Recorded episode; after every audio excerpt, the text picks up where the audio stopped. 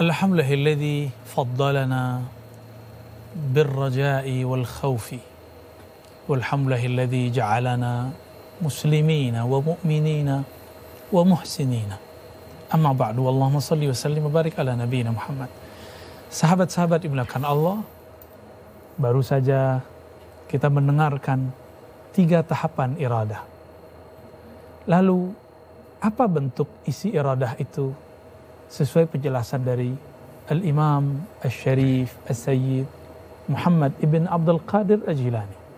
Qadasallahu sirrah. Maka berikut ini kita akan mendengarkan kalam beliau apa yang beliau tuliskan dari ahwal-ahwal seorang murid ilallah subhanahu wa ta'ala. Tafadhal Ustaz Faiz. Bismillahirrahmanirrahim فإرادة الطلب من الله تعالى بموضع التمني وإرادة الحظ من الله تعالى بموضع الطمع وإرادة الله تعالى بموضع الإخلاص ترجم Adapun kehendak yang berasal dari keinginan-keinginan yang awal berada pada kedudukan yang bersifat at-tamanni. Hmm. Adapun kehendak yang berada pada kedudukan yang kedua berada pada level atau kedudukan at-tama yang bersifat keinginan-keinginan. Adapun kehendak yang terakhir yang merupakan kehendak paling tinggi berada pada makom atau kedudukan ketika seorang hamba ikhlas dalam kehidupan-kehidupannya. Syukran, barakallahu fiqh. Ya, iradatut talab. Yang pertama tadi adalah kehendak seorang hamba dengan menuntut sesuatu kepada Allah. Misalnya ada seseorang mengatakan saya ingin haji, saya ingin umroh, tapi dia tidak pernah menabung. Ya. Maka jika dia mulai menabung, itu disebut dengan tamanni. Apabila saya misalnya saya ingin umroh. Ustaz Faiz, saya ingin umroh. Maka saya kemudian mulai menabung. Ikhtiar. Ini disebut dengan tamanni. Tamanni artinya berangan-angan yang positif. Ya. Apalagi misalnya saya belum sholat misalnya, tapi kemudian saya ingin berubah. Ya Allah, aku ingin berubah. Maka saya mulai menyicil. Mendengar kajian tentang sholat, mulai bergaul dengan orang yang sholat, mulai bertanya kepada orang mengenai apa pentingnya sholat. Atau saya ingin kemudian menjadi orang yang sanggup berpuasa. Sebentar lagi kita akan berpuasa. Lalu saya mengatakan, ya Allah kerjaku keras. Badanku tidak kuat. Jika aku berpuasa, maka siang hari langsung lemas. Bagaimana caranya supaya aku sanggup berpuasa? Maka sebelum berpuasa, sebelum masuk Ramadan, dia memulai dengan latihan berpuasa. Mungkin di bulan Rajab, di bulan Syaban dia berpuasa setengah hari, seperti anak kecil, kemudian ditambah beberapa hari, beberapa jam, sampai kemudian dia sanggup satu hari penuh. Kenapa ada orang dapat melakukan, sanggup melakukan diet untuk menjadi kurus, menjadi sehat? Kenapa tidak ada orang yang mau puasa untuk mendapatkan kesehatan rohani dengan benefit mendapatkan kesehatan jasmani? Mungkin iklan-iklan motivasi-motivasi mengenai puasa kurang kuat, kurang menarik, tidak semenarik motivasi diet ala dokter atau, atau seperti penjelasan ahli-ahli food combining.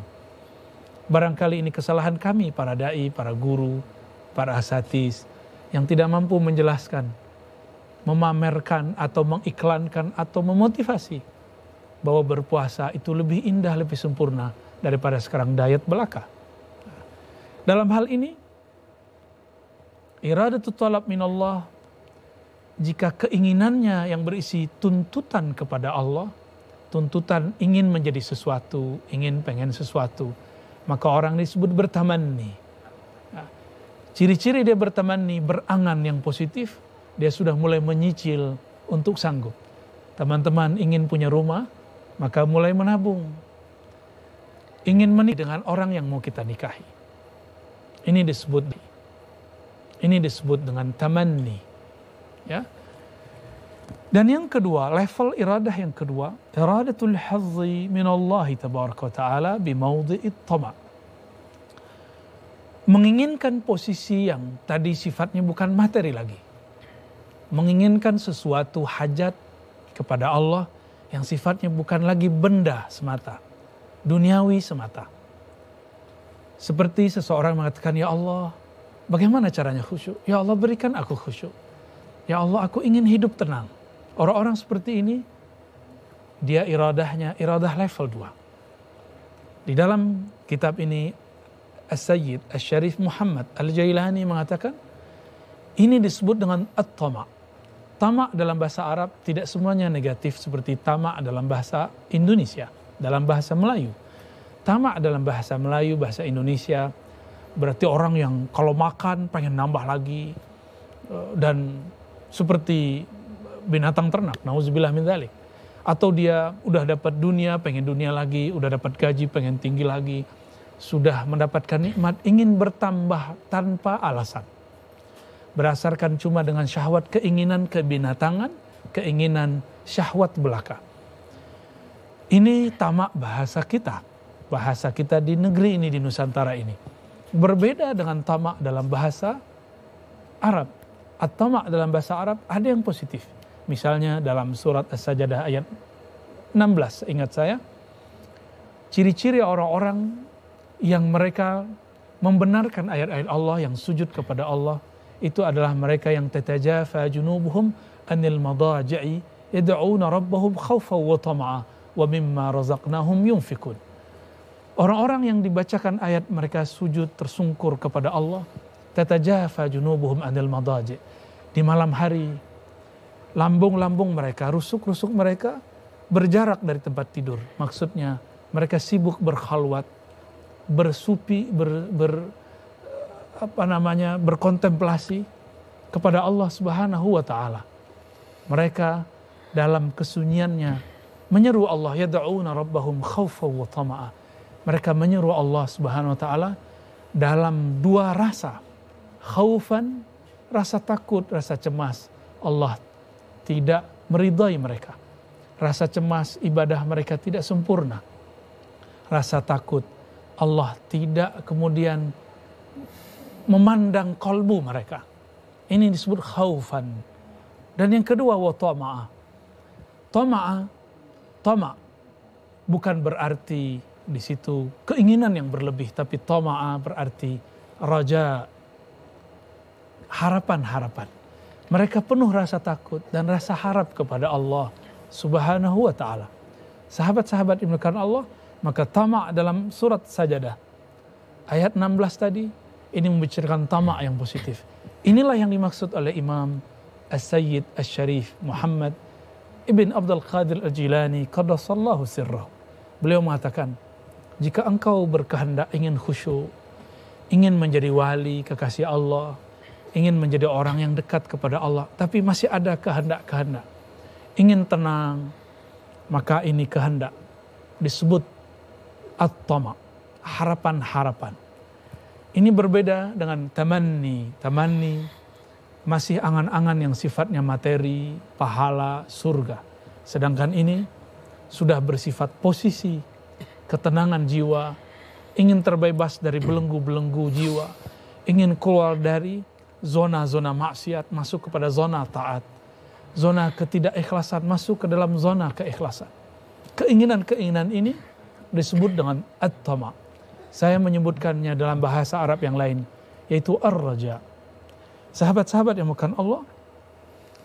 Dan yang ketiga, wa iradatullahi ta'ala. Level iradah yang ketiga, kita sudah menyebutkan tadi di awal, bahwa ketika kehendak hamba lebur dalam kehendak Allah. Ketika pilihan hamba dia samakan volumenya, frekuensinya dengan pilihan Allah Subhanahu wa taala. Nah, apa nama kehendaknya? Di saat dia meleburkan kehendaknya dalam kehendak Allah, ini disebut dengan al-ikhlas. Kita sering menyebut ikhlas dalam bahasa lokal, bahasa kita. Contohnya Ustadz Faiz mengatakan, gue ikhlas loh, saya ikhlas loh. Tapi bukan itu yang maksud ikhlas dalam bahasa Arab. Mentraktir, memberi ikhlas. Ikhlas itu tidak perlu kata-kata. Ikhlas itu sahabat-sahabat yang Allah. Inilah ajaran tertua yang diberikan Allah kepada semua para nabi dan semua umat. Wa ma umiru illa liya'budullaha mukhlishina lahuddin. Tidaklah mereka diperintahkan kecuali hanya untuk ikhlas dalam menyembah Allah. Mukhlis. Apa makna ikhlas secara harfiah? Dari kata akhlasa yukhlisu. Bermakna melepaskan sisi nafsiyahmu. Melepaskan kehendak-kehendakmu. Meleburkan ambisi-ambisimu. Menghancurkan semua pilihan-pilihanmu. Lalu apa yang dilakukan? Menghabiskan harapan kita dalam harapan Allah. Yang kita minta adalah yang Allah tuntut. Inilah yang dikatakan Munotailah Sekandari yang diajarkan oleh Imam Abdul Hasan Syazili. Jika engkau meminta, mintalah apa yang Allah tuntut. Apa yang Allah tuntut dari kita? Allah menuntut kita untuk menjadi hambanya. Allah menuntut kita untuk ikhlas kepadanya. Allah menuntut kita untuk beribadah kepadanya. Maka jika kita meminta, mintalah untuk menjadi hambanya. Jangan minta kaya, tapi mintalah ya Allah, berikanlah aku kekayaan yang menjadikan aku tulus bersedekah, berbagi harta. Jangan sekedar minta sehat badan, panjang umur, tapi katakan ya Allah, berilah kami kesehatan badan, panjang umur dalam taat kepadamu. Jangan hanya meminta harta, meminta waktu yang panjang, tapi mintalah waktu yang waktu itu kita gunakan untuk mengingat Allah Subhanahu wa taala. Inilah doa yang dicontohkan Nabi. Nabi berdoa bukan Allah ma'tini malan, tapi Nabi berdoa, "A'inni ala zikrika wa syukrika." Ya Allah bantu aku berzikir dan bersyukur. Orang bersyukur karena ada pemberian. Orang bersyukur karena diberi. Maka mintalah syukurnya maka pemberian akan diberikan kepadamu. Harta akan diberikan kepadamu. Jangan minta masyhur, populer, viral. Tapi mintalah menjadi da'i Allah. Orang yang menyeru kepada Allah. Karena orang yang menyeru kepada Allah, Allah akan masyhurkan dia dalam kemasyhuran namanya. Bukan dalam kemasyhuran ego diri kita sendiri. Sahabat-sahabat yang melakukan Allah, maka al-ikhlas adalah meleburkan obsesi diri kita dalam kehendak eh, posesi Allah. Jangan lagi ada kehendakku dalam kehendak Allah. Jangan lagi ada keinginanku dalam keinginan Allah. Mari kita leburkan kehendak kita dalam kehendak Allah Subhanahu wa taala. Inilah yang disebut iradatullah bimaudi'il ikhlas. Inilah ikhlas yang sebenarnya, bukan ikhlas yang dikatakan, bukan ikhlas dengan gaya-gayaan, bukan ikhlas yang dipaksakan.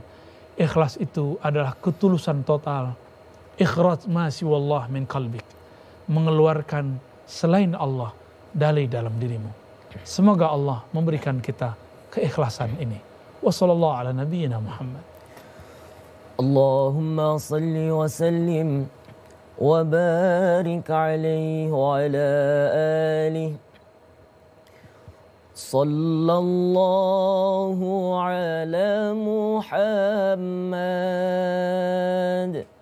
صلى الله عليه وسلم. صلى الله على محمد. صلى الله عليه وسلم.